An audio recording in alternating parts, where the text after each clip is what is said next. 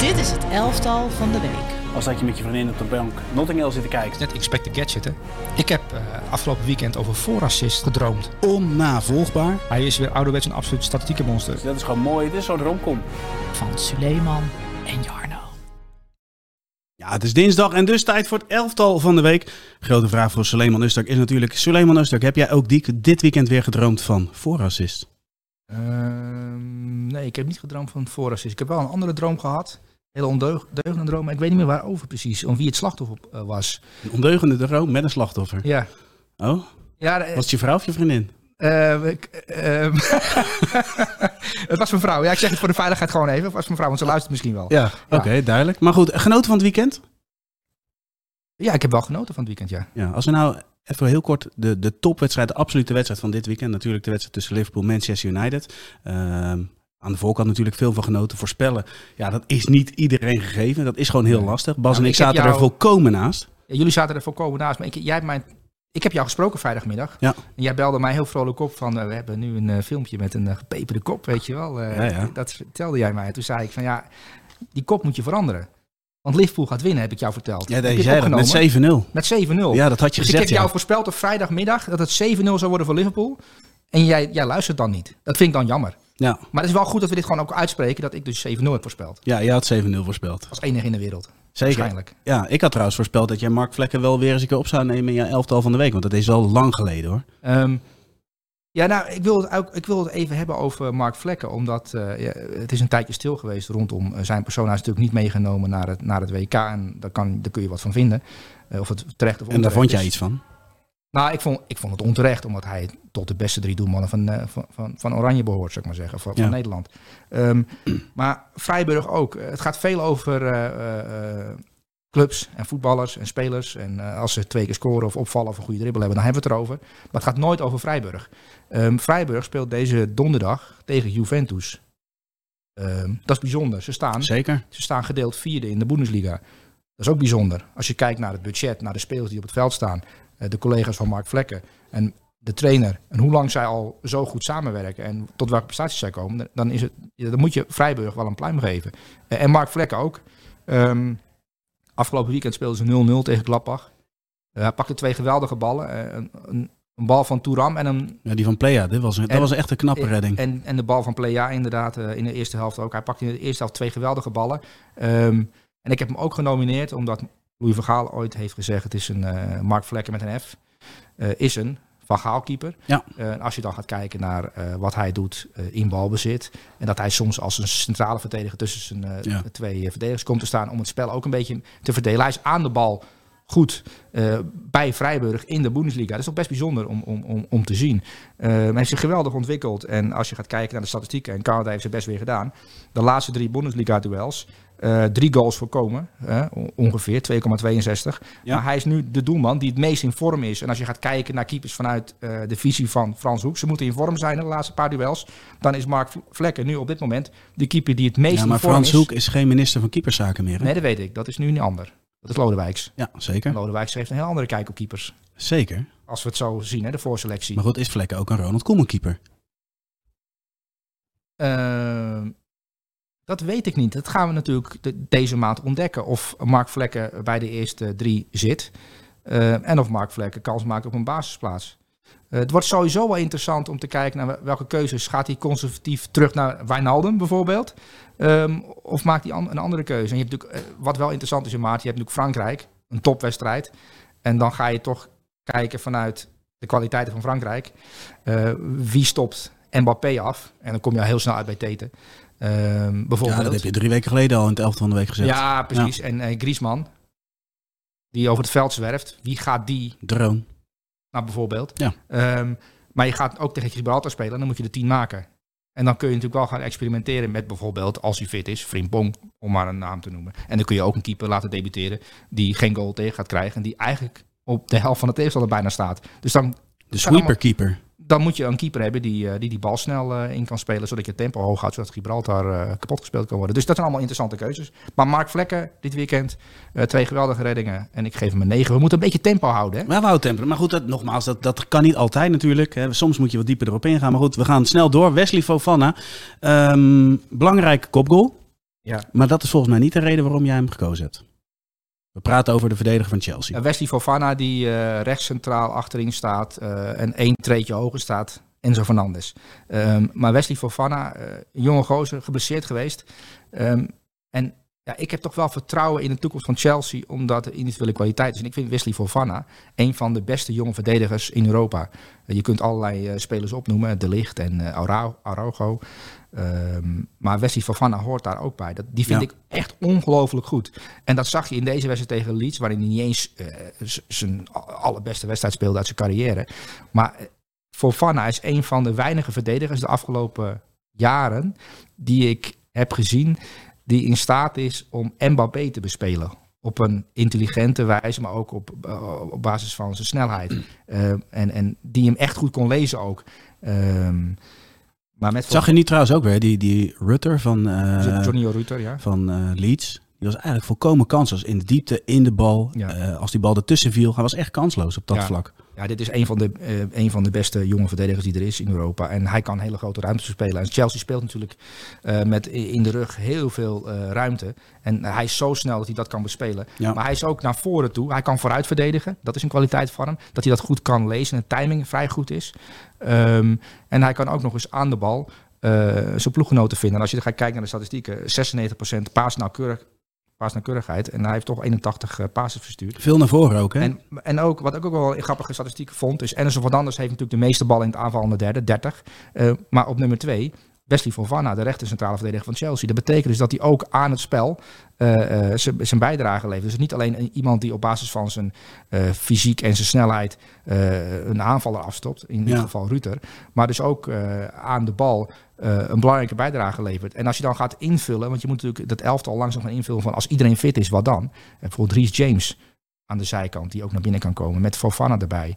Ehm, st- stel je voor dat N'Golo Kante, die weer voorzichtig in training is, er weer bij komt en gewoon zijn ding kan gaan doen. Dat is namelijk naast Enzo Fernandes om, om en als Enzo Fernandes heen ballen veroveren. Dan heb je wel een elftal. Stel je voor dat, dat, dat eh, Chelsea deze week, eh, deze dinsdag, doorkomt tegen Dortmund. Dan is het wel een elftal als iedereen fit is en Porter krijgt het voor elkaar om, eh, om, om dat te laten renderen. Dat is wel een vervelend elftal om tegen te Ik vind spelen. dan ook elke linie van wereldniveau. Eh, de, de, de aanval nog niet, de spits Precies. positie. Ehm, maar ik neem aan dat ze komende zomer eh, een wereldspits gaan halen. Ja, jij had het over de paasnauwkeurigheid en ook het feit dat Enzo Fernandes heel veel aan de bal is, het meest aan de bal is. Ja. Heel verrassend is het niet, want voor Fana is wel vaak de eerste schakel naar Fernandes. Dat is wel echt een mooie connectie. ja, je ziet dat Potter aan het bouwen is aan, eh, zoals John Heidegger zegt, koppeltjes. Koppeltjes, hè? D- dit is een koppeltje op het veld. Ehm, en ja, voorin kan het nog niet echt, omdat uh, Mikalo Mudrik, die zit nu in een vertrouwenscrisis, want die zit ineens op de bank, 100 miljoen euro. Ja, maar die had een andere club in Londen moeten kiezen. Ja. Dat advies heb je hem gegeven, heeft hij niet naar geluisterd. Nou, dit zijn de gevolgen. Dat krijg je ervan, ja. Ja. Ehm, en als je dat- dat elftal gaat bekijken, eh, achterin. eh, ja, ik ben niet zo eh, overtuigd van Chilwell, die, die, die ik te voorspelbaar vind eigenlijk aan de linkerkant. Eh, maar ze hebben nog wel een aardige eh linkervleugelverdediger rondlopen. Speelt hij nu niet bij Chelsea, die is op huurbasis actief bij Burnley. Mhm. Ian Maatsen. Ian Maatsen. Dat ja. zou wel eens een kandidaat kunnen zijn voor Potter komend jaar. Als een soort van Frimpong 3.0, 2.0. Daarover gesproken, heel kort. Kaloem zit in de studio, onze nieuwe collega. die die gaat naar Jong Oranje. Die is een vriend van Ian Maatsen, of? Nou, die gaat naar Jong Oranje en die gaan we op pad sturen. Richt, ze gaan hem op, op pad sturen richting Maatsen. Wat wil je van Maatsen weten? Je kan het nu gewoon rechtstreeks vragen. Nou, ik weet eigenlijk alles van Maatsen wel. Maar je wil, wat wil de kijker weten van Ian Maatsen? Ja. Eh, nou, ik wil wel weten eh, welke verdedigers hij in Europa eh, bekijkt om er zelf beter van te worden. En op welke manier Company hem heeft gestimuleerd om, om zo'n aanvallend ingestelde vleugelverdediger te worden. Want hij heeft veel goals en veel assists. hè. Het is eigenlijk de Frimpong van het championship. Als je er gaat naar gaat kijken. Maar ook qua snelheid en de manier waarop hij beweegt. Zeer interessante ontwikkeling heeft hij doorgemaakt bij Burnley. En eh, als Burnley promoveert speelt hij sowieso in de Premier League op of op huurbasis. Of, eh, of Graham Potter zegt nee, dit is een speler die ik in mijn manier van voetballen heel goed kan gebruiken. Staat genoteerd. Cijfer.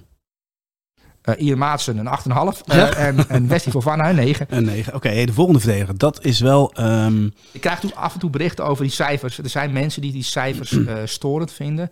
Omdat Waarom? ze denken dat wij dat niet serieus nemen. Omdat we elke week alle spelers een 9 geven. Ehm, en dat kan ik bij deze wel bevestigen.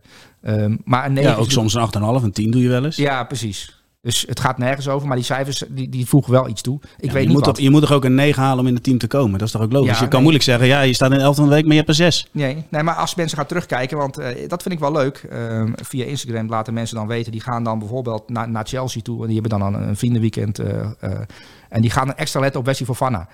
En dan krijg ik dan de feedback dat ja, die Fofana inderdaad, wauw, dat is wel een speler zeg. En ik heb het ook bijvoorbeeld nu, de laatste weken, een aantal keer gehad eh, met Antoine Griezmann. Dat vind ik toch wel leuk dat mensen dan eh, naar Madrid gaan om naar Atletico te gaan. En die gaan dan speciaal letten op eh, Antoine Griezmann. En die zien dan inderdaad iets meer dan als je gewoon naar Atle- Atletico gaat. Ehm, je vol, je vol laat tanken met eten en, eh, en, en, en bier. En dat je dan daar half zo op de tribune naar voetbal zit te kijken. Nee, gewoon eh, gericht kijken. Dat is interessant. Precies, precies. Daarover gesproken, hè. we gaan naar de volgende speler. Ehm, de, de kijkers die een meisje meenemen naar Rome moeten sowieso verrassend zijn. Dus neem ze mee naar de botanische tuinen. Je kunt wel de, de fontein en noem het allemaal op. voorbereid? Nee, helemaal niet. Dit, dit ontstaat echt spontaan. Maar je, moet, je moet verrassend zijn. De botanische tuinen kennen ze vaak niet. Hele mooie plek om met je meisje naartoe te gaan. Maar dan moet het meisje ook mee om te kijken naar Mancini. Want dit vind ik wel, met het terugkijken van de beelden, heeft hij de meeste indruk gemaakt van Jij- alle spelers in jouw elftal. Ik wist van tevoren dat jij eh, wel warm zou worden van Gianluca Mancini. Ehm, en voordat het een beetje homoerotisch wordt. Eh, want hij heeft natuurlijk eh, een prachtige uitstraling. Hè? Ja, Boef- ja. boevenuitstraling. Hij ziet er goed uit. Het is, nou, ik wil niet zeggen goed. Het, ik, ik, ik zou hem niet graag willen tegenkomen in Rome, eerlijk gezegd. rond een uur of half vier s'nachts. Want? Nou, dan ga je toch eh, denken van, goh, zou die een wapen bij zich hebben? Zou die me willen beroven? Vind je hem er zo uit? Nee joh. Ja, wel, het is echt een, het is een crimineel. Als je, hem- en ook de Ja, in zijn acties, maar niet in zijn uitstraling. Ja, ook in zijn uitstraling. Dit is echt een verdediger zoals ehm, ehm, je vroeger in Italië eh, had met Materazzi. Ik vind hem echt eh, ehm, een bepaalde uit, een hele goede uitstraling hebben die ook past bij de trainer Mourinho. En dat zag je ook aan de rode kaart die eh Moise pakte. Hij kneep hem eventjes in de zijkant eh, in zijn zij. Hij pakte hem net iets te lang vast. Hij irriteerde Moise Kean. Hij weet, deze jongen is een makkelijk slachtoffer. Hij staat 40 seconden in het veld, maar ik, ik pak hem wel even, bam, rood. En dan Ja. gaat het nog ook nog overdreven liggen. Maar met Acteur. alle respect, dat krijgen wij ook voor elkaar. Nee, dat krijg jij niet voor elkaar. Jij bent, hebt een veel te lieve uitstraling. Ja, Maar goed, eh, dat is een ander verhaal. Oké, zullen we doorgaan over Machini? Nou, maar wat ik, Wat maakt hem nou zo goed? Nou, ik, heb, eh, ik had Ra- Roma Juve aangezet, want je krijgt toch vaak te horen dat Italiaans voetbal weinig voorstelt en zo, maar eh, dat, dan vergis je je. Omdat dat, de Italiaanse trainers hebben altijd oplossingen die, waar je niet misschien aan denkt. En, en, en AS Roma doet het dit jaar heel goed. En ik denk dat ehm Mourinho heeft ooit gezegd dat tweede worden met Manchester, Manchester United is een van zijn beste, zo niet zijn beste prestatie geweest in, in zijn carrière. Ehm, met AS Roma de Conference League winnen was natuurlijk een geweldige prestatie van, eh van Jose Mourinho en tegen Feyenoord natuurlijk. Ehm, maar met AS Roma kwalificatie voor Champions League afdwingen, dat gaat bij Mourinho in de top drie van zijn beste prestaties komen. En hij is bezig een, een, een machine op te tuigen. En die machine staat er nu langzamerhand. Ehm, want van AS Roma winnen doe je niet zomaar. En, en ik heb AS Roma eh, Juventus eh, bekeken, de eerste tot laatste minuut. Ook omdat Wijnaldum in de basis stond. Om te kijken van wat is nou de taak van Wijnaldum. En op een gegeven moment valt dan Gianluca Mancini natuurlijk op. Omdat hij een geweldige prestatie leverde. Ehm, laten we kort even over Mancini hebben. En dan misschien ook Wijnaldum. even Wijnaldum. Ehm, ehm, Mancini die eh, agressief op, op de aanvallen. Dusan Vlahovic heeft echt geen, geen tijd gehad om ook maar te denken aan een aanname. Nee, maar Rabiot en Kostic ook niet. Daar Nee. zat hij ook bovenop. Precies. Hij had, eh, hij had van Mourinho allerlei deelgebiedjes gekregen. En als Rabiot daar verschijnt, dan Mancini, los jij het op. Als Dusan Vlahovic ehm, de bal wil aannemen met zijn rug naar de goal, dan los jij het op. Eh, hij had ook nog eh, de vrijheid om, als Roma aanvalt, daar aan mee te doen. Want hij is dan ook achterin. Hij is een beter voetbal dan Chris Smalling. Ja, want even voor de vo- volledigheid. Hij heeft de wedstrijd ook beslist. Ja, hij maakt natuurlijk een mooie goal. Hij schoot die, de 1-0 binnen. Eh, maar eh, ik vond het een geweldige eh, prestatie, een totaalprestatie. Dus aan de bal goed, verdedigend goed, positioneel goed, zeer agressief. Hè, je dat is echt wat je wil van een verdediger, dat je er zo bovenop zit. En dat, dat- qua timing ook goed. Echt een topprestatie geleverd. Waarom horen wij zijn naam niet zoveel bij de transfergeruchten? Want dit is toch wel echt een verdediger die alles heeft. Ehm, dat hangt er een beetje af wie die transfergeruchten maakt, denk ik. Dat ligt Ja, aan de maker van de transfergeruchten. Die kijkt Is waarschijnlijk geen voetbal. Of, Die of maakt de trainers zijn niet goed genoeg op de hoogte. Of de scouting is niet goed genoeg op de hoogte. Nou, eh, kijk, het is natuurlijk het is een jongen van 26. En ehm, ja, als je, als je hem bezig ziet zo. Het gaat ook, het is natuurlijk ook wel uh, in welk elftal speel je en waarom val je in dat elftal op. En, en dit is wel echt een type verdediger die past bij de trainer Mourinho, omdat hij heel gedisciplineerd is. Hij, hij is dan wel, uh, hij maakt die goal dan wel en hij duikt op hele gekke plekken op. Je ziet hem soms opduiken uh, op de rechtsbuitenpositie. Maar dat reageert het elftal ook op. Dat past zich dan automatisch ja, aan de middenvelders. Zijn dan ook bezig. Oké, Mancini is weg. Nu ben ik even verdediger. Dat, kan in dit elftal. Uh, maar daar heeft Mourinho wel een jaar over gedaan om dat voor elkaar te krijgen. En daarom, hij reageerde niet hè, naar de goal van uh, Gianluca Mancini. Uh, Mourinho was bezig met een papiertje om, om wat namen op te schrijven. Mm-hmm. En hij acteerde daar de grote trainer. En dat is hij natuurlijk ook. Um, maar ik vind het wel mooi om te zien dat, dat een man die dan weggehoond is uit Engeland, bij Tottenham mislukt en vlak voor een League Cup finale ontslagen, die gaat dan naar AS Roma toe. Daar verwacht je toch niets van. AS Roma en Mourinho en de positie die zij toen innamen. Nee, zeker. Um, winnen dan de Conference League. Publiek keert terug. Ze halen die Bala als uh, uh, publiekslieveling. En dan zie je nu weer langzaamaan een Mourinho-elftal ontstaan. En de komende maanden zullen er een aantal wedstrijden zijn. Uh, wellicht in Europa, want ze doen nog mee. Zeker. Um, en wat is de rol van Wijnaldum in dat Mourinho-elftal? Nou ja, hij is natuurlijk net terug van een, van een beenbreuk. Um, en hij speelde nu, en dat vond ik wel grappig. Uh, Juve speelt natuurlijk met drie man achterin. Um, en Bremer is dan de, die stond nu rechts centraal uh, achterin. En Bremer is natuurlijk een best een, een goede opbouwer. Hele goede. Ja, de beste van Juve achterin. Ja. Uh, en, en Wijnaldum had de taak om elke keer als Bremer aan de bal kwam, daar bovenop te zitten. Dus hij had een storende, verdedigende taak als aanvaller. Want hij was ook de meest vooruitgeschoven pion bijna. Hij stond eigenlijk in de spits, Wijnaldum. Um, maar als Bremer aan de bal kwam, dan dan, zakte die, uh, of dan, dan zette hij eigenlijk druk op, op Bremen, zodat Bremen geen mogelijkheid had om de bal richting Di Maria te krijgen. Of dat Juve kon opbouwen richting Di Maria. Want Di Maria elimineren begon eigenlijk bij Wijnaldum. Ja. Dus uh, het hele spel van AS Rome was afgestemd op het afstoppen van, of, of het elimineren van de gevaarlijke kanten van Juve. En dat, en dat, dat begon bij Wijnaldum. Um, en als je hem dan gaat beoordelen, ja, ja, wat doet hij eigenlijk daar op het veld? Heel, vrij weinig. Ja, hij deed wat Mourinho van hem vroeg. En dat deed hij best aardig de eerste, het eerste half uur. Want Juve kon niet gevaarlijk worden. Omdat nee. Wijnaldum, maar ook allerlei andere spelers, hun taak perfect uitvoeren. Want Mourinho zegt altijd, uh, met 1-0 winnen is heel makkelijk als de spelers uitvoeren wat ik bedacht heb. En dat zag je weer wel, wel terug. Wauw, wat een mooi einde van dit, uh, ja, van dit verhaal eigenlijk. Toch, want we moeten een beetje tempo maken. We gaan door ja, naar de volgende speler. weer, hè? Uitstekend. Ja. Wat voor cijfer geef je ja, nou? De geluidstechnici zit ook uh, Ja, het is echt stil. Je, je merkt echt van, wauw, wat, gebeurt hier allemaal, weet je wel? Ja, het is totaal theater hier aan tafel. Toch geen 9, hè? Een 9,5. 9,5? Ja, 9,5. Ik vond hem echt heel goed. Precies, terecht. En dan gaan we naar Matthijs de Licht. Ja. Die is wel uh, langzaamaan weer de oude aan het worden. En het feit dat Koeman weer terug is als bondscoach... dat gaat natuurlijk ook in zijn voordeel spelen. Want het was jarenlang gewoon het vaste duo met Virgil van Dijk. Zie je hem echt weer terug op zijn oude niveau... en echt weer de weg richting de, ja, de absolute top... wat betreft de verdedigers maken? En wat is zijn oude niveau? Kun je dat... Uh, nou, in ieder geval constant over een langere periode. Uh, kijk, zijn doelpunt, prima, weet je wel. Maar in balbezit, dominant, uh, doordekken, doet hij ook weer heel veel. Uh, staat niet aan zijn favoriete kant, staat aan de linkerkant. Maar ook daarin zie je gewoon dat hij heel comfortabel is, heel rustig is.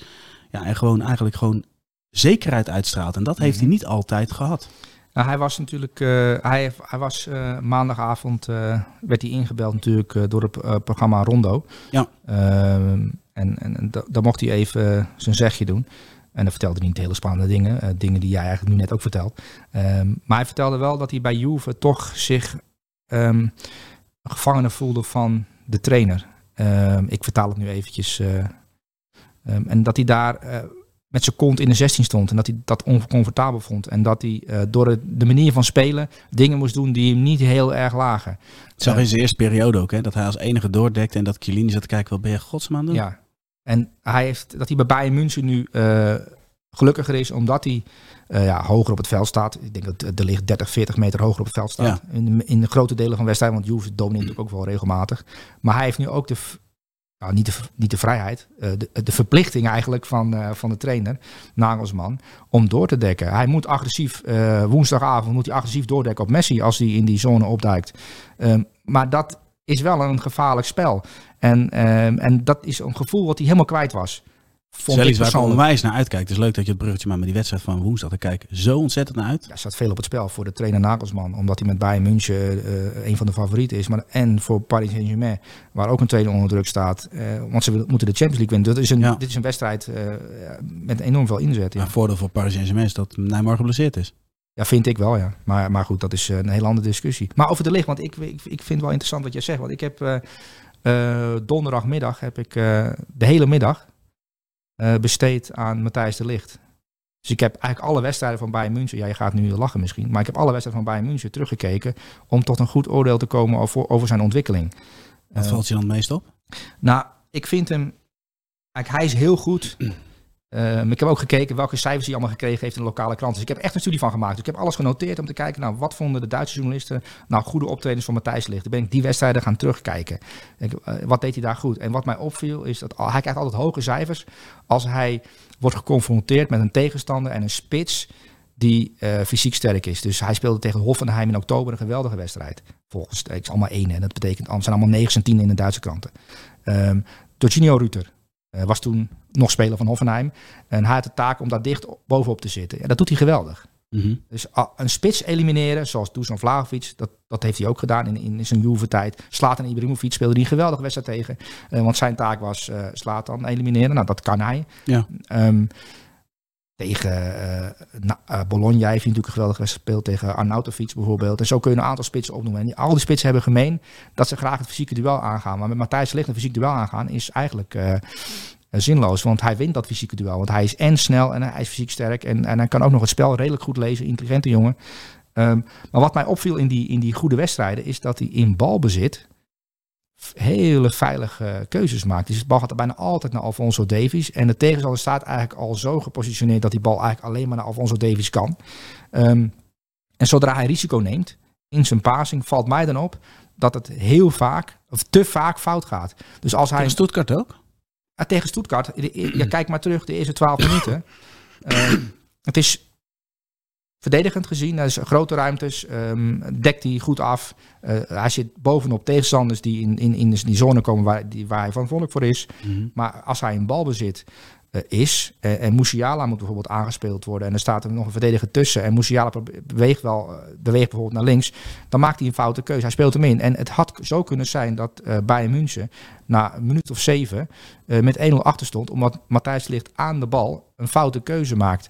En als je kijkt naar um, Rio Nagelsman en de tegengoals van Bayern München, ook de tegengoal van, van Bayern München, hè, um, dus die, goal die Stuttgart op het laatste nog maakt, dus, um, ja, daar staat de licht niet goed.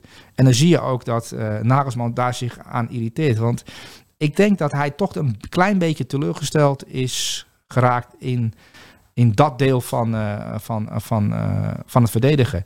Um, het overzicht hebben in een vol 16 meter gebied, dat heeft de licht niet altijd. Het is, het is kracht, het is power, maar dat, die finesse in de 16 meter, wat, finesse wat verdedigen betreft, die mist hij een klein beetje. Maar ook aan de bal heeft hij niet de finesse um, die Araujo wel heeft ontwikkeld bij Barcelona bijvoorbeeld. Om, om maar een speler uit te pikken. Ja, dat laatste vind ik eigenlijk wel opvallend dat je dat zegt. Want er was ook een moment, uh, volgens mij voor rust, dat hij onder druk gezet wordt. En dan, hij is in die linkerzone is hij aan de bal. Hij draait open en dan geeft echt een strakke crosspaas ja. naar Koman. Uh, ik zag ook een paar keer de bal naar Goretzka. Dus eigenlijk dat hij wel een linie overslaat. Ja. Dus ik zie wel met momenten, zie ik dat wel terug. Ja, er zit, on, er zit vanaf ten opzichte van het begin van het seizoen zit er een kleine ontwikkeling in. Okay. Maar ik vind hem daar wel kwetsbaar in. En je ziet ook aan de manier waarop hij beweegt. En dat, dit is een, een, een kwetsbaar onderdeel van zijn spel. En dat moet wel beter. Vind ik persoonlijk. Voor iemand die zo hoog aangeschreven staat. En is die zijn een partner... gouden balwinnaar is geworden wat betreft uh, uh, de junioren. Hij heeft ook de junioren gouden bal gewonnen. Zeker. Dus, dus dat moet wel, daar moet je wel beter in worden. Want ik zie allemaal andere jongen, jongens van zijn leeftijd beter worden. Nou, ik vind partner. Wesley Fofana een betere voetballer bijvoorbeeld. Om maar nou, zijn partner achterin, Upamecano? Nou, vind ik ook, dat is ook een probleem van Upamecano geweest. Dat is kracht, dat is power, dat is snelheid, grote ruimtes afdekken. En Nagelsman is daar ook van geschrokken. Die heeft hem natuurlijk gehaald. Um, um, en die kreeg dan in de rust, en dat krijgt de licht ook heel vaak.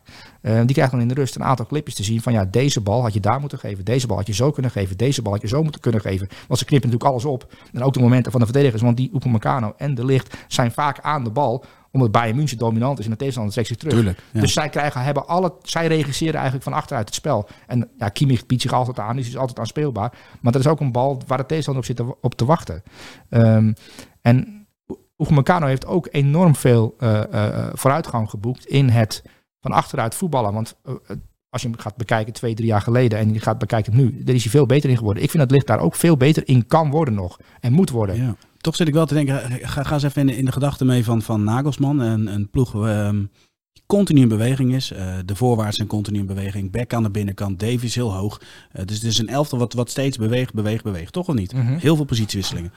Uitre alleen die van de licht en Oepamecano moeten altijd bezet zijn. Moeten rustfactoren in een elftal zijn. Dan zou je toch juist zeggen dat die veilige keuze toch juist eh, beter past bij de situatie het waarin kan, ze zitten. Het kan zijn dat de opdracht is van de trainer om, om, om het niet te gek te maken. Eh, maar ik vind Bayern München dan wel voorspelbaar. Eerlijk gezegd. Ja. Uh, dan, dan Nou ja, zo'n drukmoment wat jij aangeeft bij- naar Davis, dat is vaak een tegenstander. Zet de as dicht, wacht het moment af en dan hebben ze een, een drukmoment, laat maar zeggen. En dat moet hij wel kunnen lezen dat je zegt van ja, dit is wat de tegenstander wil gaan doen. En dat kun je ook voorkomen. Nou, maar als je kijkt naar, naar Arsenal, je kijkt naar City ehm, en, en de ploegen die, eh, die ook van achteruit natuurlijk het spel willen maken. Er zit veel meer variatie in de manier waarop ze opbouwen. Ik vind dat eh, hoe, hoe, hoe Bayern München dat doet. En natuurlijk een geweldige clubnaam en ze zijn altijd favoriet voor de Champions League. Maar als je dan kijkt naar het voetbal en, en puur inhoudelijk, denk ik, ja, ik vind het te voorspelbaar. Ja. Eh, het is ook niet voor niets dat, eh dat Una Emery in staat is geweest om die ploeg af te stoppen vorig seizoen. Het is te voorspelbaar en uiteindelijk kom je, eh, loop je tegen een Maar ligt dat bij de licht en, en, en zijn partner? Of want als je nou naar Arsenal kijkt, ehm, Saliba zit, Mhm. speelt op een, een vergelijkbare positie als de licht. Vind je die dan eh, meer variatie Ja, maar het brengen? is een team. Het, is, het heeft te maken met hoe bewegen een elftal. Ja. Eh, bijvoorbeeld de linksback die eh, zich inschakelt op het middenveld als aanspeelpunt. Ehm, het is ook zo dat de licht. ehm, misschien, je vindt mij kritisch, denk ik. Nee, helemaal niet. Ik ben gewoon Eh, nieuwsgierig. Maar je, als je dan gaat kijken naar wie kan hier aanspelen. Uh, Upamecano kan hier aanspelen, de keeper kan hier aanspelen en, en Alfonso Davis kan hier aanspelen. Kimmich staat gedekt. Uh, Goretzka is vaak onderweg. Dus er is ook geen extra middenvelder die het voor de tegenstander lastig te maakt om te gaan gokken. Musiala bal- misschien, die komt wel eens naar binnen vanaf de linkerkant, maar ook niet altijd. Nee, niet altijd. En als Nee. hij dan komt en de licht geeft een foute paas eh, en Alphonse Davies is weg, dan staat hij eigenlijk, dan is het vaak 3 tegen 2 of 3 tegen 3. En dan is elke omschakel, elk, elk omschakelmoment van een tegenstander kan gevaarlijk worden. En dan moet de licht met die enorme ruimte achter hem samen met Upamecano eh, dat gaan verdedigen. Dus, dus, dus daarom maak ik me ook wel een klein beetje zorgen over de, over de wedstrijd tegen Paris Saint-Germain.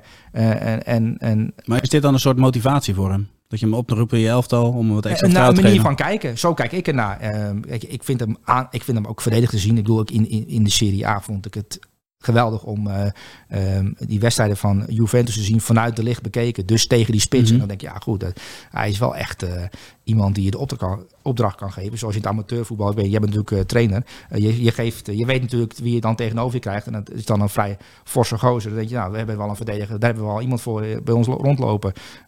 die hem dwars door het glas beukt, weet je wel. Als moet. Ja, ik zeg al tegen de nummer 6 dat de bal er dan uitgehaald moet worden. Oké. Je weet dat ik gek ben op controleurs, hè? Oh, ja, Dat oh, ja, weet ja, jij, oh, hè? Jij, bent- jij, jij, Ja. bent, jij, jij bent een amateurtrainer die een stapje verder is. Jij haalt de bal Nee, eruit. dat niet, dat niet, dat niet. Oké. Maar ik ben gek op controleurs, dat weet je toch? Zit er nu Hey. paar mensen te lachen hier, hè? Ja, terecht ook, terecht. Je moet jezelf niet serieus nemen. Even eh, tot slot, want jij hebt er een studie van gemaakt. Ik wil maar één ding van jou weten. Ehm, gezien ehm, beelden Juventus, Bayern München, langzaam die lijn omhoog. Dit is wel beter voor hem, Bayern München. Zeker, maar gaat hij uiteindelijk weer toegroeien naar eh, de groep met de allerbeste verdedigers ter wereld? Nou, kijk, bij, oh, bij Koeman en bij Oranje, want daar wil je natuurlijk naartoe. En hij was zijn basisplaats kwijt hè, op het WK. Hij stond niet in de basis op het WK. Het is toch wel gek dat je ingehaald wordt door Jurien Timber. Eh, omdat Van Gaal dat een betere eh opbouwer vindt. Of die, dat hij bewegelijker is. En eh, Ja. er zijn allerlei redenen voor aan te voeren waarom eh, De Ligt niet speelde. Ehm, het is voor Matthijs Ligt natuurlijk wel fijn dat hij eh Frenkie de Jong kan inspelen. Als rechter centrale verdediger. Tuurlijk. En niet Ja. als linker centrale verdediger. Want hij is nu linker centrale verdediger en concurrent van Deli Blind bij Bayern München. Terwijl bij Oranje denk ik dat hij eh, toch de rechter centrale verdediger moet worden naast Virgil van Dijk, of niet? Dat denk ik ook, ja. Dus maar goed, daarom een vond ik het extra andere, knap. andere realiteit. Eens. Maar goed, hij gaat er naartoe groeien of niet? Naar, naar welk niveau? Nou, echt weer richting de beste verdedigers ter wereld. Nou ja, dat, dat, dat hangt er vanaf hoe je er naar kijkt. Maar ehm, eh, hij moet zich aan de bal verbeteren. Maar als Bayern München de Champions League wint en hij schakelt eh, in de halve finale, kwartfinale en de finale een, een, een spits van naam uit. Ja, dan behoort hij bij de beste verdedigers ter wereld. Dan komt hij naar het wereldelftal te staan. Zo simpel is het natuurlijk. Dus ja, dat kan. Duidelijk. En wat voor cijfer levert het dan maar op? wel leuk om te zien, want jij hebt over voetballende gedeelte. eh, we hebben natuurlijk de cijfers ook. Van alle spelers in de Bundesliga verstuurde alleen Guardiol, wat een geweldige eh, voetballende verdediger is, meer passes dan de Licht. hè. Dus de Licht is in de Bundesliga een van de spelers, of een van de verdedigers die de meeste passes verstuurt. Dat is wel opvallend natuurlijk. Dus hij komt heel vaak aan de bal bij Bayern München. Terwijl hij bij eh Juve eh, vaak werd overgeslagen. Want het was een andere verdediger. Of Chiellini of Bonucci, gek genoeg, die de opbouw verzorgde. En hij moest dan eh, eh, toekijken hoe dat, hoe dat ging. Dat dat klopt helemaal. Wat voor cijfer? Een moeten negen. tempo erin houden. Negen, ja, ja. Ja, maar jij, jij wilde even doorgaan op Matthijs de Ligt. Want jij, je, je, Ja, je- tuurlijk. hij is lekker kritisch, dus... Ja, maar mensen willen toch ook weten hoe hij ervoor staat. Maar goed, zullen we de volgende? Want ehm, ja, hij stond op papier naast Memphis in de spits bij Atletico Madrid. Hij staat hier bij jou op het middenveld. Ehm, jij noemt hem hier ook. Nou ja, de, de, in- tenminste, de statistieken zijn op basis van een aanvaller. Maar waar, waar, staat hij nou? Antoine Griezmann? Ik weet het niet meer. Eh, nou, hij staat en eh, als linkermiddenvelder als de bal over links gaat. Hij staat op rechts geposteerd als de bal over rechts gaat. Hij komt door het centrum als het nodig is. Want hij stuurde natuurlijk Memphis de pij weg voor zijn eerste Zo. goal. Een goede paas. Timing perfect. Ja. Ehm, maar oh ja, Antoine Griezmann, dat is een beetje zo'n... eh, als, je, als je geen Spaans voetbal eh, kijkt wekelijks, dan is dat een beetje een, een, een, een, een, een geheim, hè? Eh, dat hij zo goed is. Nou, hij is echt waanzinnig. Maar zijn heatmap was echt weer Ja, krankzinnig. zijn heatmap is het hele veld. En, ook zijn statistieken, dat, dat, die zijn, die, dat zijn gewoon statistieken voor vier spelers. Ehm, neem ons eens mee in de statistieken. nou ja, ehm, even kijken. Hij- niemand creëerde meer kansen dan Griezmann. Niemand won meer duels. Ehm, en eh, ook balcontacten had hij na Witzel. Trouwens een zeer belangrijke bruikbare speler op het middenveld bij eh, Atletico. Axel Witzel had 74 balcontacten. En Griezmann na hem eh, 71. Ja. Ehm, dus hij is ook alomtegenwoordig in, eh, in de, de opbouw van zijn aanval. Dus hij is en de, de middenvelder die de aanval opbouwt. En de middenvelder die eh, de spits wegstuurt. eh, Memphis. Eh, en ook nog eens. Hij maakt natuurlijk een geweldige goal ook. Dat hij de bal met links de kruising inschiet. Ehm, maar de prestatie die hij leverde. En het was ook een speciale wedstrijd. En ik denk dat Anton Griezmann dat ook wel eh, voor zijn trainer Hij wilde vierde doen. hem toch ook met hem? Ja, hij viel het ook met hem. Maar het was natuurlijk de 613e wedstrijd van, eh, van Diego Simeone voor Atletico Madrid. En daarmee heeft hij natuurlijk het clubrecord overgenomen van Ja. Luis Aragones. Ehm, en het is wel bijzonder dat een trainer al eh 11 jaar trainer is van Atletico Madrid. En toch weer voor elkaar krijgt. Ook om Memphis aan het voetbal te krijgen. Scherp en fit en hongerig. Dat vond ik wel leuk om te zien. Goeie loopactie bij die goal. Ehm, ja, maar als je, ik weet niet of jij Memphis echt tot in de tijd- bekeken hebt. Behalve de, de, de twee doelpunten die hij maakt. Had er nog twee moeten maken misschien wel. Had er Ja, vier kunnen maken. Eentje ook op aangeven Ja. van Griezmann. Griezmann, ja. Ehm, maar de rest ging allemaal fout, hè? Het is maar net hoe je ernaar kijkt. Als je gaat kijken naar, eh, als je al zijn balcontacten op een rijtje gaat zetten. En wat deed Memphis goed? Er ging er veel meer fout dan goed. Maar ja, die twee goals, die, dat is natuurlijk waar je op moet beoordelen. Ik denk dat Koeman vooral blij is dat hij dit weer gezien heeft. Ja. Toch? Ja, dit inderdaad, ja. Ja. Ja, maar ja dan weet je toch dat het goed is. Hij Ja. scoort. Hij En de connectie met Griezmann, dat is ook opvallend. Hè? Die, die twee mogen elkaar. Die hebben natuurlijk een verleden op Barcelona. Ehm, maar dat is wel, dat marcheert ook lekker. Alhoewel, toen Morata inviel, ging het ook wel. eh, inviel ging het ook lekker. Want die, Zeker, die ja. vond Griezmann ook wel mooie lop, hè? Assist op eh, Morata. Dat was de mooiste paas. Maar als je gaat kijken, alleen op basis van doelpunt en assist, dan, dan verdient hij al een plek in het elftal. Maar ook de rest tussendoor, wat hij allemaal doet. Het is echt ongelooflijk, de vorm die hij heeft sinds het WK. Ja, maar Canada die heeft hiervan staat in de top 3 van aanvallers met de meeste balheroveringen. Canada is er dus van overtuigd dat hij aanvaller is. En dat stuk, dat, ja, dat, dat kan ik niet. Ja, is het nou een valse spits? Is het nou een aanvallende middenvelder? Ik vind het lastig te Nou, peilen. op Met moment is het een aanvaller, met moment is het een middenvelder. Ja, maar eh, kijk, Simeone heeft ook het WK gekeken en die, heeft, ehm, die was toch aan het stoeien eh, met het elftal. Van wat moet ik nou, hoe moet ik, dit- hoe moet ik er nou meer voetbal in krijgen? Ehm, en hij probeerde dat ehm, op allerlei manieren door een extra middenveld erbij te zetten, door het systeem te wijzigen, door met drie man achterin te spelen, met wingbacks te spelen. Ehm, en toen heeft hij Frankrijk gezien en dacht hij, hey, Deschamps doet het op deze manier. Je moet Antoine Griezmann gewoon ehm, de vrijheid geven om te lopen waar hij wil als hij voelt dat hij daar nodig is. Ehm, en sinds, sinds het WK, de eerste na het WK, zag je het al. En dat heb ik toen tegen jou gezegd. Er gebeurt Ja. iets interessants bij Atletico. Moet je opletten de komende weken. Dat kan nog leuk worden, want hij mag spelen zoals Griezmann dat graag wil. En ja, de vorm die hij nu heeft, ik vind hem persoonlijk op dit moment de beste speler in de La Liga. Dus, en zo goed vind ik hem nu op dit moment. Hij is echt inderdaad ook op je Twitter-feed voorbij komen. Je had eh, van alle topcompetities de beste spelers benoemd. Ja, Moet ze even naar jouw Twitter-account gaan. Eh, ik ben het helemaal met je eens. Eh Griezmann, eh, heel belangrijk eh, tijdens de afstraffing tegen Sevilla. Een tien dus. Ja, een team. Oké, de volgende gaan we kort bespreken. Ja, maar beter dan dit kun je niet spelen al- al- als voetballer. Als je dit gezien hebt. En er zijn mensen eh, live bij geweest, Nederlanders in het stadion. Ehm, die hebben mij een, een ooggetuigenverslag eh, eh, eh, gedaan via Instagram. Oké, vond ik mooi om te lezen. En die vonden het ook allemaal een 10. En hij kreeg ook in, in, de, in de Spaanse kranten een 9,5 tot een 10. Dus eh, ja, een 10. prachtig. We gaan eh, naar Dani Parejo, de pasmaster van Villarreal. Ja, maar was goed zeg. Oh, dat ene paasje op Jeremy de Pino. De- ja, Uitstellen, je, wachten. Oh, zo mooi. Ja, dat hij ook even drie man oversloeg, drie linies oversloeg Ja. en dat hij hem ook goed bereikte. Ja, wat ik bij Dani Parejo, ehm, Die nu 1500 passes heeft verstuurd in La Liga. En dat, dat vond Canada een heerlijk rond getal. Eh, Ja. Mensen die van data houden, die houden van ronde getallen. Hè? ja. En normale mensen houden van andere ronde dingen. Maar eh, data mensen houden van ronde Maar getallen. kan dan helemaal in extase.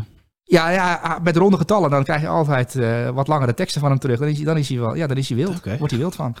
Ehm, maar boven Tony Kroos, hè, in, in wat aantal passen betreft. En als je gaat kijken naar Villarreal, alles gaat via Dani Parejo. Ehm, nou denk je van, staat Dani Parejo dan alleen en wordt hij niet geschaduwd door een speler? Ja, hij wordt geschaduwd door een speler. Eh, ook in deze wedstrijd van Almeria had hij een persoonlijke bewaker. Alleen Dani Parejo, die al 15 jaar wordt geschaduwd door een persoonlijke bewaker, die heeft geleerd om die bewakers eh, ja, het bos in te leiden. Of te misleiden eigenlijk. Eh, dus je ziet hem continu bewegen. En, dan komt hij, en hij, als hij de bal krijgt, weet hij eigenlijk al waar de bal heen moet. Ehm, en ik denk dat... Je hebt nu Rodri bij City. Ehm, maar als je gaat kijken naar de spelers die het meest op Busquets lijken, wat kwaliteit betreft, dan komt Dani Parejo heel erg in de buurt. Alleen ja, ehm ja Busquets helaas, die speelt altijd eh, sinds 2010 bij Je had Spanje. trouwens ook een vrije paas. Je hebt ook een vrije paas trouwens, ja. Ehm, maar Villarreal wint 2-0 bij Almeria. En deze jongen, Dani Parejo, de ontspanning waarmee hij speelt, dat vind ik echt bijzonder om te zien, ook in deze wedstrijd weer. Het is net alsof het geen enkele moeite kost om dat eh, eh, voor elkaar te krijgen. Heb je wel zien sprinten? Nee, hij springt, hij is net een speler. Het, het- hij heeft een drafje. Hij loopt, loopt in een drafje en er loopt iemand, een atleet loopt achter hem aan om te dekken. En die krijgen het dan niet voor elkaar om, om een bal te veroveren. Want eh, hij is eh, niet te dekken bijna. Het is echt merkwaardig om naar hem te kijken. Want ik denk, goh, zo'n trage voetballer. eh, maar toch zo ongrijpbaar. Het is echt eh, ja, dat, vanuit die pure ontspanning ook eh, eh, voetballen. Mooi om te zien, hè? Mooi om te zien, Echt absoluut. iemand die ook Alles weet, waar, ziet. weet, weet Ja. waar iedereen staat. Ehm, en ja, dan ben ik wel nieuwsgierig. Zijn er de afgelopen jaren interviews met hem verschenen? En omdat ik heeft, heeft die jongen geen ambities? Eh, en toen heb ik een, een res- vrij recent interview met hem gevonden... waarin hij zegt dat hij nog één droom heeft. En dat is bij een absolute top, top, topclub. Barcelona, Real. Hij komt ook uit de jeugd van Real.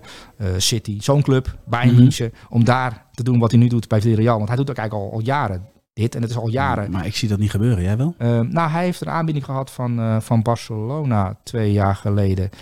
Ehm, en daar wilde hij eigenlijk wel op ingaan. Alleen ja, dat is toen om, om allerlei redenen net niet eh, doorgegaan. Dus Barcelona wilde hem heel graag hebben. En ja, dat begrijp ik wel als je deze, deze jongen ziet voetballen. Eh, nu nog. Het is gewoon een van de beste middenvelders van de liga. Het zou mooi zijn. Ja. Afwachten. Wat voor cijfer krijgt hij? Een 9. Nou, ik denk niet meer dat het nu, nu nog gaat komen. Want hij denkt dat hij nu, nu wel te oud is. Maar twee jaar geleden ja. had het nog wel gekund. Ja, hey, de volgende speler, dat is eh, Sofian Amrabat.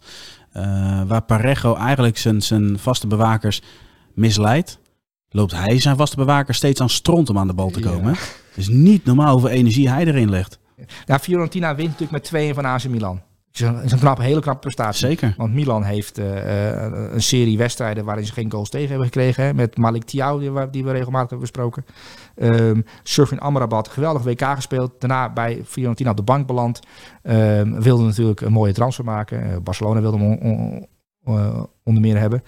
Ehm, staat nu weer in de basis tegen Milan. Heeft dan een taak om een muur te vormen. En ja, je, je, je hebt de heatmap ook wel bekeken. Er is een soort van muur op de middenlijn. Een muur van een meter of twee eh, eh, op beide helften. Dus een muur van vier meter dik. En van, van, van zijlijn naar zijlijn. En dat is dan de heatmap van Amrabat. Daar kom je gewoon niet langs. Nou, niet map, dat is een warzone. Nou, dat is een, dat is een, ja, je hebt de Chinese muur en je hebt ook bij Fiorentina heb je, heb je een Amrabat muur. En die is niet te passeren. En als je, dat is wel wonderlijk dat hij zo goed oog voor ehm, dat moment dat een, dat een aanval, eh, ja, dat is eigenlijk de middenveld, het middenveld over willen. Eh, en dat lukt AC Milan dan niet, omdat Amrabat eh, ertussen zit. En hij had natuurlijk ja, ehm, acht balveroveringen en één speler op het veld had meer balveroveringen. En dat was dat weet ik eigenlijk niet. Malik Thiaw. Ach ja, natuurlijk. Onze Ja. held. Ja. Hè? En ook qua, maar het is bal veroveren en dan niet eh, bal kwijt weer. Zoals eh N'Golo Kante het bal altijd voor de gein verspeelt om hem dan weer te veroveren, want dat vindt hij leuk. Eh, maar Sofian Amrabat, die is ook nog in staat om, als hij de bal veroverd heeft, leeft hij hem altijd wel keurig bij een ploegnoot in. Hè? Want paasnauwkeurigheid van 92%. Zeker. Maar dan moet je de dribbles ook nog wel even meenemen. Hij dribbelt eerst een stukje en dan gaat hij passen. Ja, maar dat is ook, dat is ook belangrijk. Dat is mooi. Ja. Zeker. Cijfertje voor Amrabat. Cijfertje, een cijfer, een 9. Een 9. Weer een 9. We gaan eh, naar volgende interessante speler. Savanier. Zeg ik dat goed? Savanier, ja, TG Savanier. mooi doelpunt. Ehm, maar als je kijkt naar de kwaliteit van hem. Hij is de captain van Montpellier. Zijn voorzetten. Jij vindt zijn voorzet... eh, Ja, vind ik echt prachtig voor zijn harde, vallende bal. Ehm, ja, dit is een beetje een cultvoetballer, uh, Teji Savanier. En er zijn ook Nederlanders die speciaal naar Montpellier gaan om deze jongen één keer in levende lijven te zien. Hè. Er is wel een beetje een cultstatus ontstaan rondom deze Teji Savanier. Ja. Um, komt ook denk ik door zijn historie, geschiedenis, waar hij vandaan komt. Het is zigeuner, net als Van der Vaart. Opgegroeid op zo'n uh, kamp en uh, houdt enorm van vrijheid. En hij krijgt bij Montpellier de vrijheid om een nummer 10 te zijn. Want het is een echt een, de nummer 10 sterft uit. Hè? Dat, Ja. dat is, dat, die zie je niet meer. Er wordt een geweldige video over opgenomen. Ja, dat weet ik. Jij. Um, maar Savanier, dat is echt nog een nummer 10 die voetbalt zoals een nummer 10. Dus hij is uh, een beetje luiig van aard en ook de manier waarop hij voetbalt. Uh, het is pure klasse. Ja. Um, er zit een beetje muzikaliteit in zijn spel. Hè? Dus, weet je, het, zit, ja, het, is, het is echt fijn om naar te kijken. Hij doet er ook een klein beetje denken aan Raf van der Vaart. Die voetbalde ook zo. Puur op talent. Ja, uh, absoluut. Maar je ziet ook dat aan Teji Savanier is het spieren of is het ook uh, genieten van het leven. En hij houdt van vlees, denk ik. Dat, dat weet ik. Maar ik denk dat bij hem wel een beetje bouw is. Het is niet alleen, het is niet een, uh, toch? Nou, Sommige mensen hebben een beetje zo'n bouw. Weet je, wat, wat ronder, wat blokken. Ik weet niet of jij het, het houden van barbecues meer dan eens per week een gezonde levensstijl vindt voor een Ligue voetballer. Ja, behalve. Neymar, want die gaat elke week naar een het McDonald's. Het ook weer vanaf wat je er tegenover stelt natuurlijk. Ja, nee, maar je, ga, ga, jij nou maar eens verdiepen in deze These Savigny en dan weet je wat ik bedoel. Daar kom ik snel op terug. Um, maar echt een geweldige voetballer. En, uh, en, en ja, het is wel echt leuk om naar Montpellier te gaan om hem, uh, om hem te zien. Omdat je, ja, het is pure klasse. En het is ook net als Parejo. Zo'n jongen zou veel hoger op kunnen met zijn kwaliteiten als hij ja, die oogkleppen op kan. En uh, à la Orkun Kutsu, uh, Arne Slot, uh, Kutsu, Arne Slot ontmoet. En denkt, oké, okay, ja, het is leuk om op talent een keer een leuke paas te geven. Maar het gaat om veel meer. Je, je, je moet, je moet meer willen. En ja, maar dat ik is... denk op het moment dat je dat eruit haalt, dan uh, nee, in zijn nee, geval... Nee, nee, dat is... Dat is Jij hebt er vertrouwen in? Ja, dat kan wel. Alleen dat moet je, dat moet je dan wel... Uh, dan moet je een, een, een, trainer ontmoeten in je leven waar je denkt, ja, deze man die heeft het beste met me voor. Ja, maar dan ben je heel veel gesprek kwijt. Dan heb je eerst een soort dokter ja, veel nodig. Ja, ja. Toch? Maar van vaak scorende middenvelder in de grote competities hè, dit seizoen op één Savanier 10 goals, op 2 Musiala 10 goals en op 3 Eudegaard 9 goals. Dat zegt ook wel iets. Mooi rijtje. Mooi rijtje om in te staan, ja. Ja. Is dat dan een 9 of? Dat is een 9. 9. En 5-0 overwinning hè, van Montpellier op Angers. Dat is ook uh, keurig. Is niet Mede slecht. dankzij een geweldig, geweldig optreden van deze, van deze Savigny. Stond ook in het elftal van de week van L'Equipe. En bij L'Equipe zie je in het elftal van de week ook altijd staan hoe vaak ze erin hebben gestaan. En dan zie je een aantal sterren staan. En bij Messi staan er zoveel sterren dat je... Die staat er elke week in. Maar Savigny staat ook bijna elke week in het elftal. Hè. Dus het is gewoon een speler die, die, die in de league uh, is gewoon een hele grote jongen. Um, en uh, ja, dat wil ik er even gezegd hebben. Ja, mooi. Een. Mooi, uh, mooi slot. We gaan naar Mohamed Salah. Ja.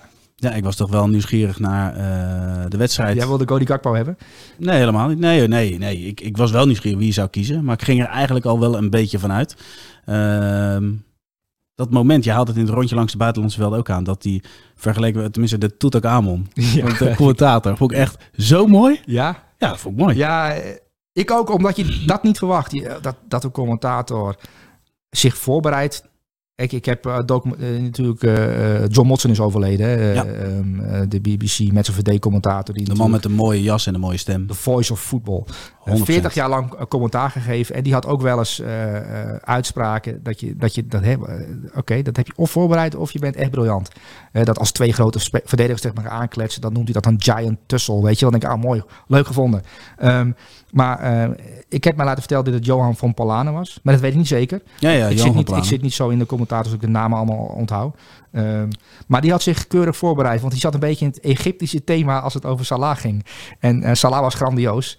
Um, en dat je er dan uh, ja, uitkrijgt. En ik, onthoud, onthoud die zin ook gewoon. Dat Toetangamon verbleekt bij de glinstering van Mohamed Salah. Dat je dat gewoon zegt na een goal.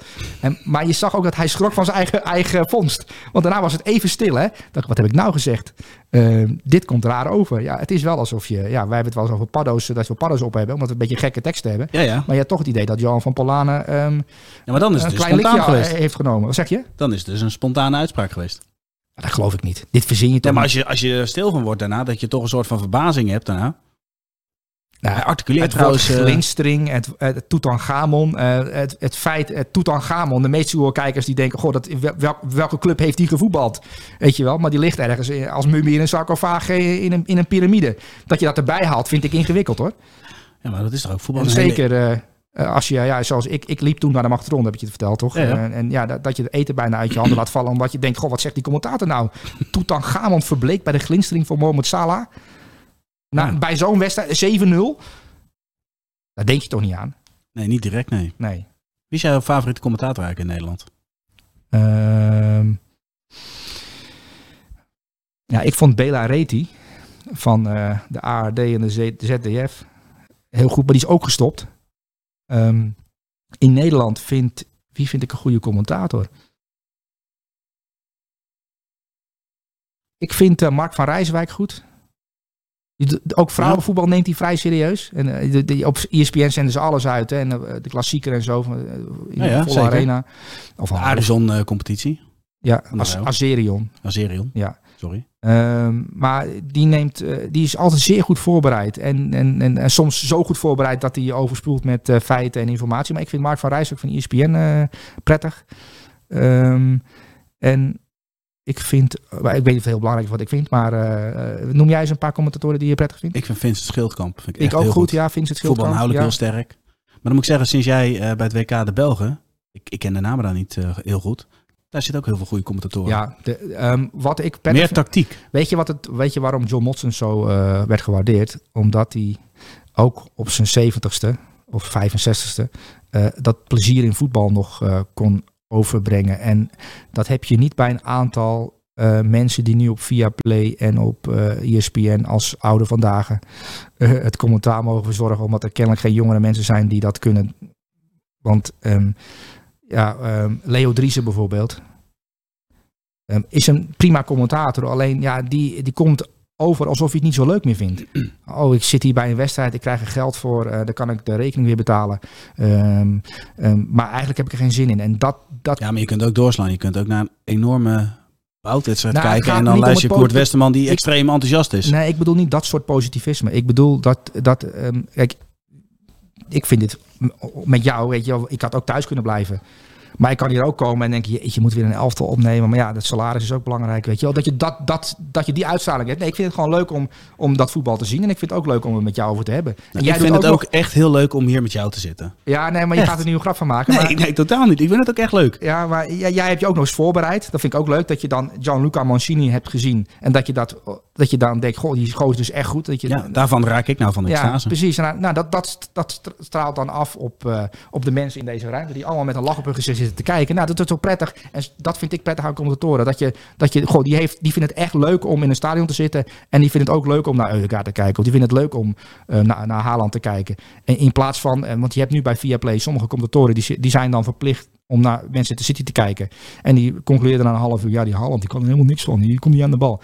Ja, hallo. Eh, dat is hoe City voetbalt. Ja. Ehm, richt je op iets anders. Ga, ga kijken wat er gebeurt op het veld in plaats van dat negatieve. En dan kijken ze ook niet naar het elftal van de week. Want wij hebben vaak gezegd, hij maar, heeft maar vijf balcontacten, maar Ja. maakt, maakt zes doelpunten. Ja, los daarvan. Maar eh, ehm, ja, dat is, het gevaar is natuurlijk. En dat, eh, ja, ik, ik, ja, als je heel lang werkt, waar dan ook, in welk bedrijf dan ook, dan kan het zo zijn dat je een beetje eh, Verveeld raakt. verveeld, cynisch wordt ook misschien een beetje. En dat is natuurlijk gevaarlijk ehm, als dat gebeurt. En dan moet je eigenlijk eh, tegen jezelf in bescherming genomen worden. Dat was ook mijn grootste probleem met Emiel zelf is eh, een lange tijd. Dat ik dacht van ja, je, je kraakt eigenlijk het hele product Serie A op deze manier een klein beetje af. Dat je zo cynisch te zijn. Ehm, ehm, de- dat vind ik... dan slecht aan commentatoren. Terwijl de kijk, het gaat niet om de kennis. Ik bedoel, kennis, je, het is gewoon een kwestie van kijken en je inlezen. Dat kennis is niet zo makkelijk om op te doen. Nee. Ehm, maar het overbrengen van, eh, van eh, plezier ergens in hebben. Ik moet wel zeggen, en dan gaan we snel weer naar Salah. Ik, eh, in mijn jonge jaren had je nog het Italiaanse voetbal bij de NOS. En vond ik altijd een feest om naar Emiel Schelvis Ja, ja te zeker. Maar het, is, het is geen kritiek goede op... inhoudelijk, ik vind hem, inhoudelijk heel sterk. Hey, Salah, want je hebt natuurlijk in het rondje langs de buitenlandse veld al heel veel ehm, besproken over deze wedstrijd. Wat wil je nog bespreken over Salah? ehm, nou, hij heeft ehm, volgens de critici een slecht seizoen. Eh, en Liverpool heeft natuurlijk een minder seizoen. Eh, Ja, ja, crisis was aanstaande. Nou, er was een crisis en daar Klopp is er mee bezig om die crisis op te lossen. En dan helpt een 7-0 een 7-0 zegen helpt. Uh, maar wat echt helpt is Real Madrid alsnog omverblazen in het Bernabeu stadion. Want dan is Liverpool echt terug. En ze hebben natuurlijk in het verleden een keer een 3-0 uh, de remontada. Ja, precies. De finale overwinning op, op Barcelona op Anfield. Origi. Um, ja, met de corner van Trent. Ja, precies. Je kent, ja, je weet, ja, ja, natuurlijk. Ja, goed, goed geheugen. Ja, ja, nou, basiskennis. basiskennis. Ja, dat is toch zo? Nou, ik weet niet of het basiskennis is. Ik weet, waar kunnen we de straat op gaan om te vragen of dit basiskennis is. Ik denk, denk dat mensen je aankijken alsof je niet helemaal Hm. lekker bent. Oké. Okay. Ja, dat Het is geen basiskennis hoor. Maar dit, ga is, door. dit is specialistische kennis. Okay. Um, Salah. Nou, de snelheid waarmee die uh, uh, de, de, de, acties uitvoert, maar ook um, de momenten zonder bal, als je die terugkijkt. Um, minuut 80, zijn verdedigende werk doen. En dan zie je Anthony op de bank een beetje lachen en een beetje, het staat 6-7-0. Kijk eens even goed, dat is ook een rechtsbuiten. Moet je kijken wat hij doet bij een 5-0 voorsprong. Niet normaal. Je kunt Bizar. ook denken, ik, ik zit er lekker in. Uh, ik heb Tutankhamon uh, laten verbleken. Weet je wel? ja. Rustig aan. Nee, ja. De man is nog steeds bezig, ook zonder bal, om die meters te maken. En dat, dat is echt verbijsterend om te zien. Maar dat is ook wat, wat Klopp dan kennelijk toch weer erin heeft weten te krijgen. Maar ja, uh, het helpt ook wel dat je met 5-0 voor staat. Over Anthony gesproken. Volgens Pieter Zwart de grootste dissonant bij United. Eens of oneens? Dan, dan, de invalbeurt van Scott McTominay vond ik nog een graadje erger. Oneens dus. Oké, okay, cijfer voor... Nou, ik ben het wel eens. Okay. Ja, maar de, de invalbeurt van Scott McTominay was echt verbijsterend. Triest, ja. Maar Anthony, um, 100 miljoen, daar moet je ten natuurlijk ook op afrekenen. Dat is niet goed. Ten was heel boos geweest, hè? Op? Op de ploeg. Ze moesten luisteren naar het feest. Pieter Zwart. Ja, dat zou kunnen. Nee, ze moesten in de kleedkamer luisteren naar het feest van, van Liverpool. En daarbij gaf hij ook nog aan, jullie hebben uh, uh, geluk dat die spelersbus staat. Anders had je in huis, uh, zelf maar naar huis moeten, moeten gaan, laat maar zeggen. Dus hij wilde ze misschien wel net als uh, Co Adriaanse deed, hè? Even naar huis laten lopen. Dat was mooi geweest. Ik had wel graag in die kleedkamer willen zitten. Ze moesten stil zijn en luisteren. Ik was gewoon naar huis gelopen. Ik, trainer, ik, ik loop sowieso naar huis. Ja? Ik, ja, nou, ik vind het zo'n wanprestatie van mezelf. Ik loop naar huis uh, en ik hoop dat ik levend aankom. Dat je me volgende week kan opzetten. Ik hoop dat ik volgende week op dat ik al thuis ben. Dat ik op tijd ben voor de volgende training. Dat, dat zou ik dan zeggen. Ik loop naar huis, want ik, uh, ik heb gefaald. Kijk, kijk dan of, of, of, professioneel ben, ja of nee. Ik, zulke ogen ten nacht. Dat denk ik ook. Als ja. ik in de kleedkamer zou zitten. Maar goed. Cijfer voor Salah. Een 10. 10. We gaan. Dan krijg je een 10 ook in de lokale krant, hè? Terecht er ook. Met, samen met Robertson. Oh, Twee tienen en Ga Cody Gakpo terecht een 9. Die speelde ook goed. Ja. Zeker, ja. Uh, de volgende, Kylian Mbappé. Ja, je verwacht er niet in het elftal van de week, want hij staat er zelden in. Hoeveel sterren heeft hij inmiddels in jouw uh, team dan? Uh, nou, hij staat er bijna elke week in. Ja. ja. Wat, wat moeten we nog over hem zeggen dan? Niks. nou, cijfer? uh, nou, hij is natuurlijk topscorer alle tijden van Paris Saint-Germain gewonnen. Daar was hij wel blij mee, hè? Nou, ja, dat is dus, ja, daar was hij wel blij mee. En daar was hij ook al 25 minuten naar op zoek tijdens die wedstrijd. En het was inmiddels minuut 89. Een afgeslagen aanval. En ik denk dat de meeste spitsen dan denken van, nou, dit, dit wordt er niet meer. Maar de manier waarop hij op jacht was naar die goal, de beroemde goal, hè, de goal ja. die hem topscorer alle tijden maakt van Paris Saint-Germain. Het record. Uh, het, het, waarmee het record uh, overneemt van Cavani. Um, die honger die, die liet zien in minuut 89. En dat hij die bal dan de manier waarop hij die bal afmaakt, um, de aanname en het afmaken met links, de aanname met het rechts, wegdraaien, het, het wegdraaien, maar in de aanname al uh, de bal zodanig neerleggen dat je afstand hebt tot je verdediger. Dus het was echt tot in de perfectie goed uitgevoerd. Het, het zag er heel simpel uit. Um, ik had alleen wel het idee dat Messi geen idee had dat het record, uh, uh, dat het, hij het record kon verbeteren. Want die reageerde amper. Hè. Die dacht, oh ja, waarom is hij nou zo blij met, met deze goal? We hebben toch gewonnen, die 4-2, we maken het uit. Maar hij ging compleet uit zijn dak, alsof hij de winnende maakte in de WK-finale. Ja. Hij was eigenlijk nog blijer. Dat is wel mooi ook. Ik vond die paas trouwens op de Niele ook vrij. Ja, maar ja, die paas vanaf, recht, vanaf de rechterkant. Ja. Um, je zag hem echt actief op zoek naar momenten om het verschil te maken. En als je hem bekijkt, um, is hij in de kleine ruimtes eigenlijk best wel beperkt. Hè? Waar, als je ziet wat, hoe hij is continu bezig op zijn voorvoeten en, in, en bezig om, om in ja, actie te komen. en dan ja, het is echt een, worden. een soort katapultbewegingen heeft hij. Het is, uh, en dan bam, en is hij weg. Um, heel vaak, en dat vind ik ook wel leuk, hij maakt ook een voorbeweging vaak. Hè? Dat tak, tak, en dan is hij weg. Maar heel veel verdedigers, uh, soms speelt hij ermee. Ik weet niet of die moment, fragmenten kent mm -hmm. uh, van, van social media. Zeker. Maar dan gaat ja, hij dan zie je de verdediger al sprinten en dan blijft hij staan. Dus dat is nou, hij, dus soms dan denkt hij van, weet je wat, ik neem eentje in de maling. Ik doe alsof ik voorbeweging ga maken. En, en dan zie je zo'n jongen gewoon op de grond gaan liggen. Ja. Omdat, uh, ja, hij, en dan zit hij te lachen, weet je wel. Zo van, ja, deze keer bleef ik staan. Uh, ja, fascinerende voetballer. Um, de record, op zijn 24e topscore alle tijden van Paris Saint-Germain. Dat wordt tijd voor een andere club. Ja, dat wordt het zeker. Ja. Cijfer voor Mbappé? Een 9. 9. Gaan we naar de allerlaatste aanvaller. Ja. Uh, uiteraard staat er weer iemand van Brighton. Het is wel een lange zit, hè, dit voor, voor nou, weet ik niet. Hoe lang zijn we bezig inmiddels, jongens? Een uurtje. we moeten afronden. Oh. We moeten afronden. Technici weten niet dat we ook nog een soort... We hebben ook nee, nog nee, een, nee, een, een, blessuretijd, toch? we gaan afronden nu. Oké. Mitoma. Dit is de man van Brighton. Elke week natuurlijk een speler van Brighton in je elftal. Um, nou, niet elke week. Ik had ook Moses Caicedo kunnen nemen. Uh, McAllister misschien? Uh, McAllister had ook gekund. Veldman? Uh, Veldman had ook gekund. Ja, Brighton speelt goed. Ja, toch? Uh, winnen met 4-0 van West Ham. Uh, maar we, we, hebben het natuurlijk... Uh, ja, Napoli verloren afgelopen weekend natuurlijk van Lazio. En Lazio gaan we vanavond tegen AZ aan het werk zien. Ja. Thuis. dus leuke wedstrijd. maar Brighton behoort nu tot de, een van de best voetballende ploegen. Maar het gaat vooral om het fenomeen Kaoro Mitoma. Aan de linkerkant. En ja, er zijn natuurlijk een aantal fenomenen. Elk jaar of elk seizoen ontstaan er fenomenen op, op bepaalde, bij bepaalde, in bepaalde competities bij bepaalde clubs. We hebben natuurlijk het fenomeen Kvaratskhelia bij Napoli. En ik wilde eigenlijk jou vragen, voorleggen, wie, wie, wie zou jij nou, uh, wie zou je liever willen hebben? Mitoma of Kvaratskhelia? Ja, maar dan moet je wel zeggen waar. Want dat maakt nogal uit. Oh jee, de trainer die, uh, die ja, ja. wil weten waar. Natuurlijk. Um, zijn de ruimtes groot? Zijn de ruimtes klein? Moet hij aan de buitenkant blijven? Moet hij, mag hij naar binnen? Heeft hij een vrije rol? Moet hij het veld breed houden? Allemaal, ja, belangrijk. Gaat niet zomaar, ja, wat, wat moet ik nou zeggen dan? In de voetballerij werkt het zo dat we niet nadenken over dat deel. We, we, we, we hebben ja, maar daarom maken wij het elftal. Nee, maar daarom maken wij het elftal van de week. Oké, okay, maar een, een, elftal dat redelijk normaal functioneert. Laten we zeggen um, Arsenal. Arsenal, Mitoma. Waarom? Omdat je hebt al heel veel creatievelingen in de as. Saai antwoord, zeg.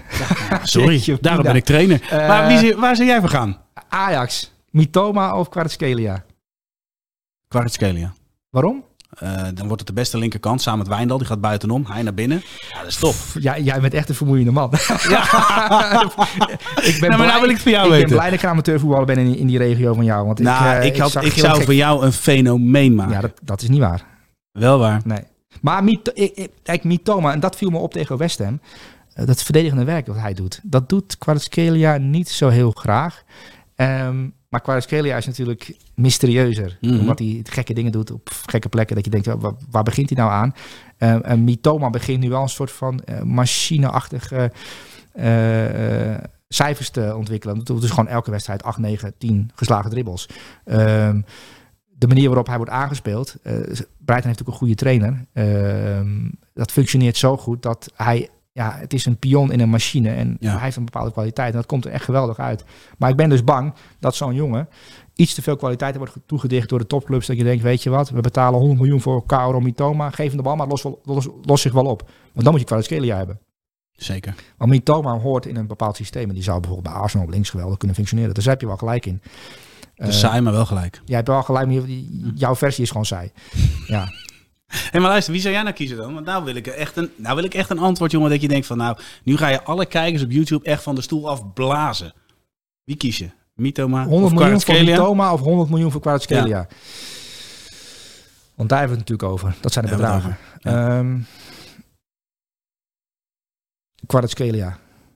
Waarom? Nou, dan heb je tenminste wel een leuke tijd, denk ik. Dat was het.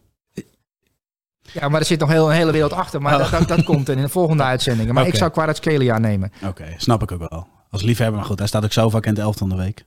Ja. Ook als die, het valt trouwens op, als hij niet opgesteld is, komt hij altijd aan bod. Ja, ja, je weet hoe het weekend in elkaar zit. Er zijn heel veel wedstrijden. Je kijkt toch altijd eventjes wat Kvaratskhelia heeft gedaan. Nou, tegen Lazio was het niets. Nee, heb je nog een film gekeken van het weekend? Eh, ja, Cars, hè. Ja. nou, sterker nog, ik heb vanochtend al eh Cars gekeken. Ja? Ik heb vanochtend weer eh, ja, Cars 3 gekeken en, eh, en eh, gisteravond Cars 1 weer. Dus ik heb Cars 1 nu de afgelopen drie weken 45 keer gezien. Hoe heet die, dat vrouwelijke autootje ook weer? Je hebt Takel, heb je Bliksem. Hoe heet dat? Die, eh, Ehm, welk vrouwelijke autootje? zit er een vrouwelijke De auto? in? trainster of de vriendin van? Nee, de vriendin van, hoe heet die ook alweer? Shelly. Oh, Shelly, dat was het ja. Was het kwijt? Ja, voor mij lang geleden, man. Ja. Ik kijk tegenwoordig gewoon echte films met mijn kinderen. Ja. Die zijn wat ouder, maar goed. Ja, ja, Zullen we het ja. eh, hierbij laten? Ja, ik ben klaar. Krijgen we nog applaus van het publiek of niet? Ik hoop het. Ik hoop het ook. Ja, yes. Oké, top. Nou jongens, dit was het elftal van de week. Laat even in de comments weten wat je van het elftal vindt. En volgende week zijn we uiteraard weer terug met een nieuwe aflevering van het elftal van de week. Doei! Dit is het elftal van de week. Als dat je met je vriendin op de bank Notting Hill zit te kijken. Net Inspector Gadget, hè. Ik heb eh, afgelopen weekend over voorassist gedroomd. Onnavolgbaar. Hij is weer ouderwets een absoluut statistieke monster. Dus dat is gewoon mooi. Dit is zo'n romcom. Van Suleiman en Jarno.